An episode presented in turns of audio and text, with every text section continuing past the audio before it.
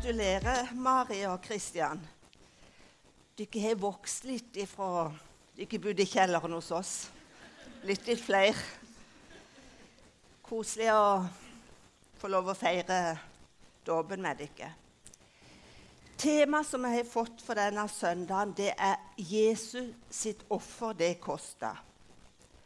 Og teksten den finner vi hos Matteus 26, 36-45.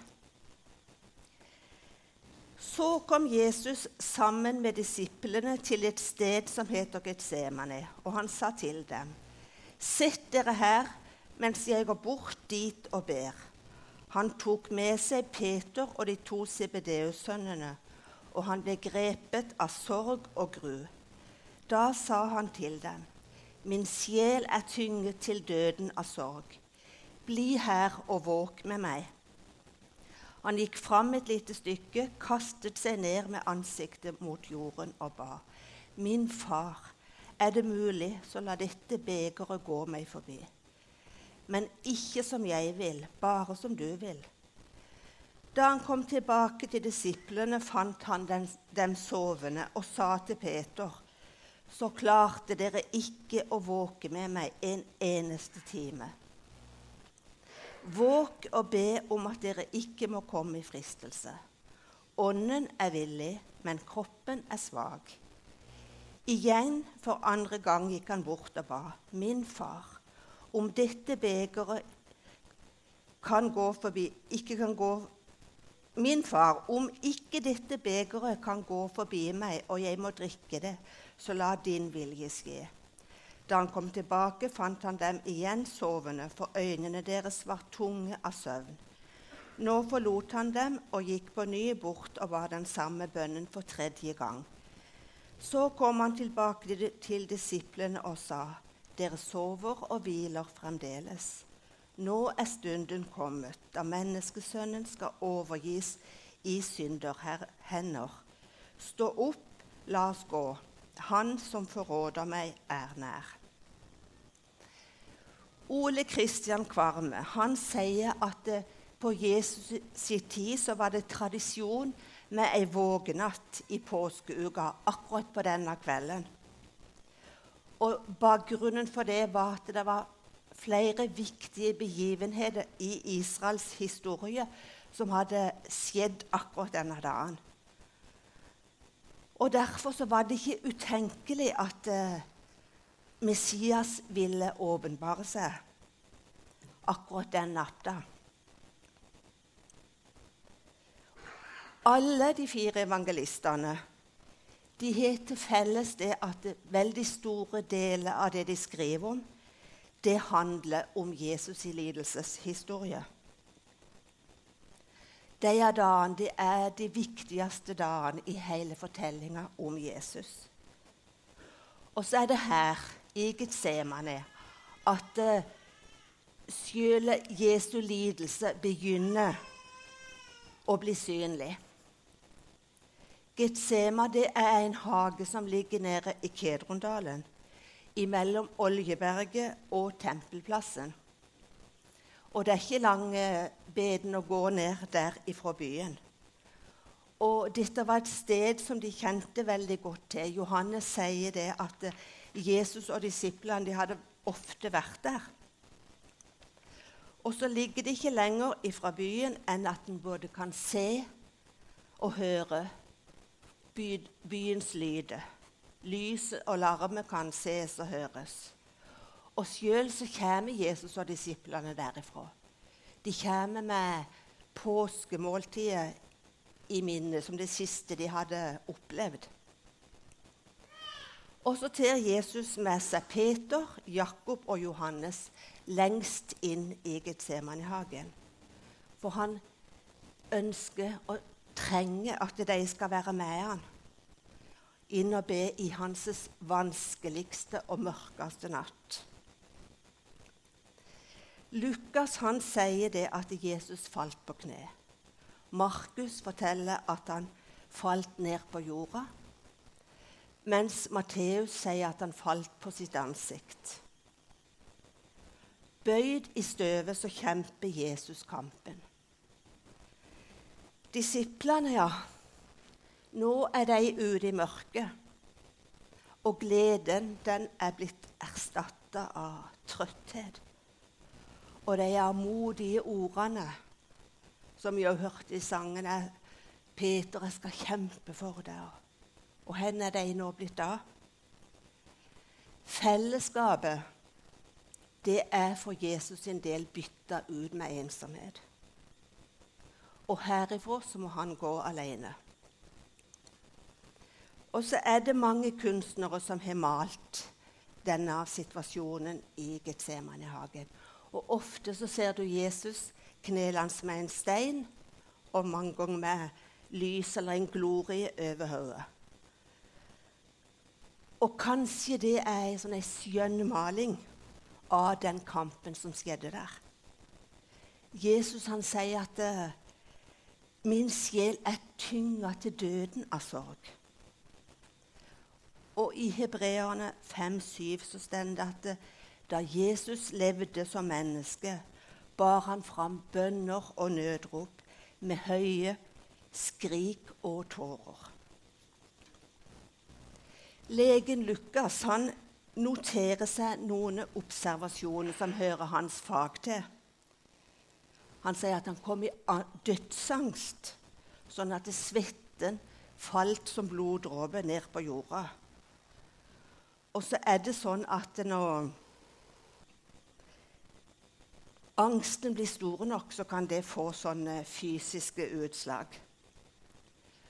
Og det var ingen opphøya majestet i eh, I sånne eh, Se nå I en beherska indre kamp som vi møter her. Men vi kan se for oss åssen Jesus i denne bønnetimen gradvis bøyes imot jorda før han til slutt ligger der med ansiktet ned i støvet og svette blod. Og så ber Jesus. Far, er det mulig, så la dette begeret gå meg forbi. Men ikke som jeg vil, bare som du vil. Og hva var så det begeret Jesus ba om å få slippe? Hva var det i det? Jo, det var den straffa som vi skulle ha hatt. Det var den kalken som vi skulle ha drukket. Men her så må Jesus drikke alle dråpene i begeret. Alle synder gjort igjennom alle tider.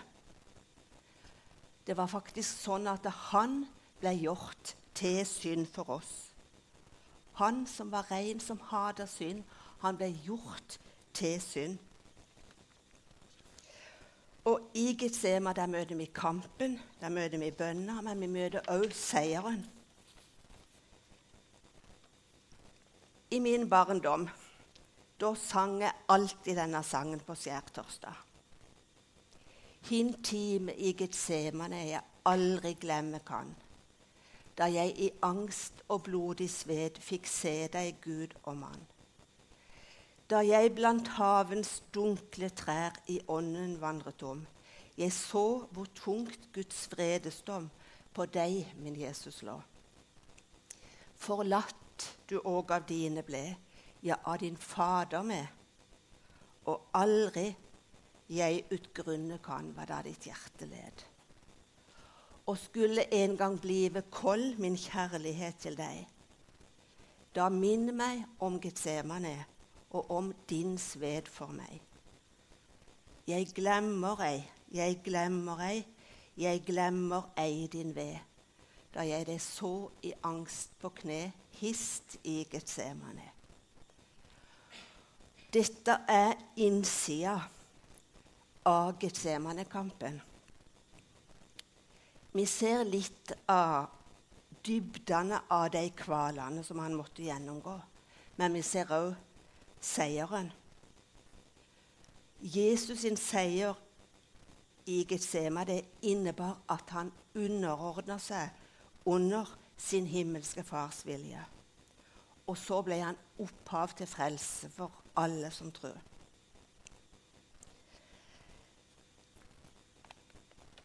Og han hadde antagelig sett mennesket bli kors korsfesta og visste noe om hva det innebar. Likevel så var det ikke frykten for smerten som var det mest skremmende. Men han frykta døden og det å bli forlatt av sin egen far. Og for første og siste gang i all evighet så skal himmelens og jordens gaver forlate sin egen sønn. Og på korset så skal den treenige Gud for ei stund splintres. Og som menneske så frykta Jesus smerten. Men som Guds sønn så frykta han det å skilles ifra sin far. Ja, faktisk egentlig ifra seg sjøl som den treenige Gud. Og det er et mysterium for oss å skjønne. Jesus han ba om å slippe å måtte dø. Han ba om å få slippe lidelsen. Han ba om at begeret måtte gå han forbi. Men han var, gjorde det. Han drakk begeret. Og alle så vet vi noe om hva f.eks. enkelt synd kan føre til av angst og sorg og smerte. og men han måtte ta ansvaret for alle synder. Og det var ikke rart at han ba om å få slippe. Tanken på det som lå foran, måtte jo vært skremmende og enorm. Men så er det sånn at etter tredje og siste bønnerunde så er seieren vunnet. Og da er det Jesus sin menneskelige egenvilje blitt satt til side. Og nå er det fars vilje som helt og fullt er blitt Jesus sin vilje. Og nå kan Judas komme og svikte han, for Jesus er klar. Nå kan de romerske soldatene komme, for Jesus han er klar. Og nå kan døden komme, for Jesus er klar. Se, timen er nær, da menneskesønnen skal overgis i synderes hender. Det er to berømte hager i Bibelen. Det er Eden, og det er Getsemane. I Eden der tapte mennesket i den første og avgjørende kampen med synda. I Getsemane der seira mennesket Jesus Kristus. Men det kosta kamp, og det kosta lidelse. Og disiplene svikta, og Jesus måtte kjempe seg igjennom dødsangsten uten støtte og hjelp ifra det. Og så går jeg tilbake og siterer Kvarme, som sier det sånn at mens folk inne i byen våger å vente på sin Messias, sover de som er sammen med han, Israels håp og glede.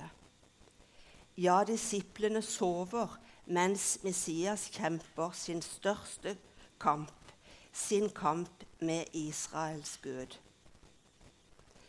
Og så vet vi åssen det gikk videre. og vet at Dagen etterpå så gikk veien til korset. når yngstemann hos meg var, var, liten, så var det en kveld vi skulle ved leggetid. da, Så skulle vi synge, og så sier han til meg 'Mamma, kan du synge den sangen om det dyret som blød?' Og jeg leide og leide. Et dyr som blød. Altså, Jeg kunne ikke huske at jeg kunne noen sanger om noe dyr som blødde. Men etter mye om og men så fant vi den rette sangen. Og det var den sangen som heter 'Å, det dyre Jesu blod som gjør meg hvit som sne'.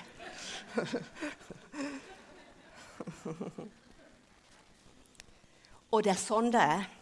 Jesus sitt blod det renser oss ifra all synd, og det gjør oss hvit som sne. Det er en tysk teolog som heter Bonhoeffer. Han sier i ei av sine bøker at billig er den kristendom som er uten et kors. Og billig er den nåde som er uten oppgjør og offer. Billig nåde er den nåden vi gir oss selv. Kostbar er den nåde vi mottar av Kristus. Og nåden den er kostbar fordi at den koster Jesus livet. Nåden den er gratis, men den koster Jesus alt. Det koster Jesu dyre blod å frelse oss en dag.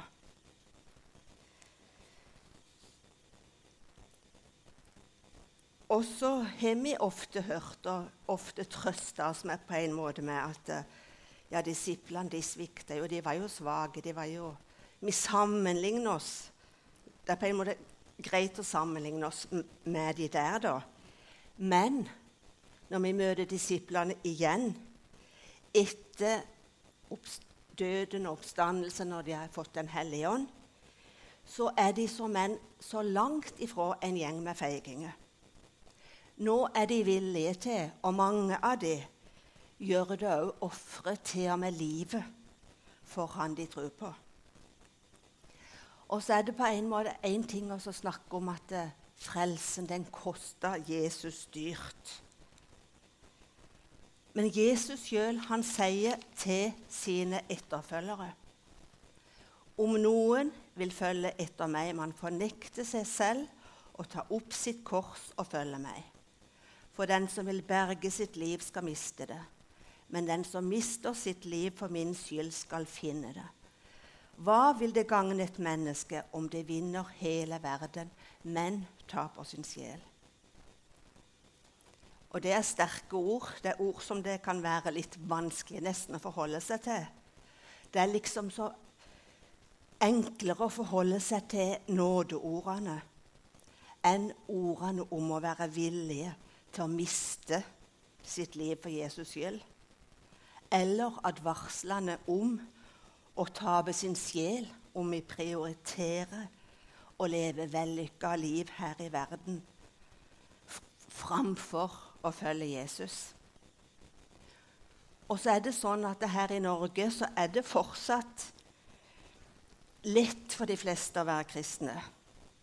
Så kanskje de ordene betyr noe annet for oss som har både rikdom, frihet og trygghet rundt oss, enn for de som mister alt og alle sikkerhetsnett om de velger å følge Jesus. Og hva betyr det å ta opp sitt kors? Jeg tenker at det korset vi skal ta opp, det handler om noe om hvordan bli bevart hos Jesus.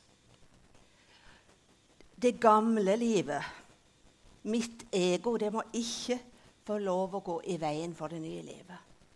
Og det er det som må korsfestes. Det er det som må dø. Når vi følger Jesus inn i Getsemane, så ser vi at de største seirene for Guds rike, det har å gjøre med å si nei til sin egen vilje og ja til Guds vilje å ta opp sitt kors og gjøre det samme som Jesus. Og gi sitt liv. Når vi tar opp vårt kors, så gir vi vårt liv til Jesus. Og selv om det ikke er en fysisk død, sånn som Jesus opplevde Det han gjorde, det gjorde han en gang for alle. Men jeg tenker at det har noe med å være villig til å ofre og si nei til det som stenger for min kontakt med Jesus. Det som vil holde meg tilbake. Det som vil okkupere sinnet mitt. Det som vil føre meg på avveie. Alt det som får meg til å ikke leve livet mitt sammen med Jesus. Og som jeg sa når vi så på disiplene ifra før Jesu lidelse, og til vi møter dem igjen, så har de mellomtida så de opplevd og erfart at mesteren deres han elska dem helt inn i døden. Han ga livet sitt for vennene sine. Og jeg tenker at eh, den største drivkraften til å ta opp sitt kors og følge han, det er å erfare denne kjærligheten. I dette er kjærligheten. Ikke at vi har elska Gud, men at Han har elska oss og sendt sin sønn til soning for våre synder. Jesus han ble faktisk født med en dødsdom. Og i påska da ble det oppdraget fullført. Jesus sjøl sa at det, til denne timen så må han komme. Og det var den planen som lå der ifra evigheten. Han måtte lide, han måtte dø for å ta straffen for vår synd. Straffen den lå på han, og vi fikk fred. Han som ikke visste av synd, han ble gjort til synd for oss for at vi skulle få Guds rettferdighet. Og på den måten så oppfylles så oppfyller Jesus Guds rettferdighet samtidig som han viste oss Guds kjærlighet. Og så avsluttes ikke påska med kamp og kors, men med oppstandelsen. Jesus han beseira synd og død, og han står opp igjen. Offeret, det er gjort en gang for alle. Jesus sin lidelse og Jesus sin død for vår skyld og han oppstandelse ifra de døde, det gir oss del i det evige liv. Og det gir oss fellesskap med Gud. Og da tenker jeg at det passer veldig godt at vi er med og synger og pris Hans navn, for det har vi grunn til.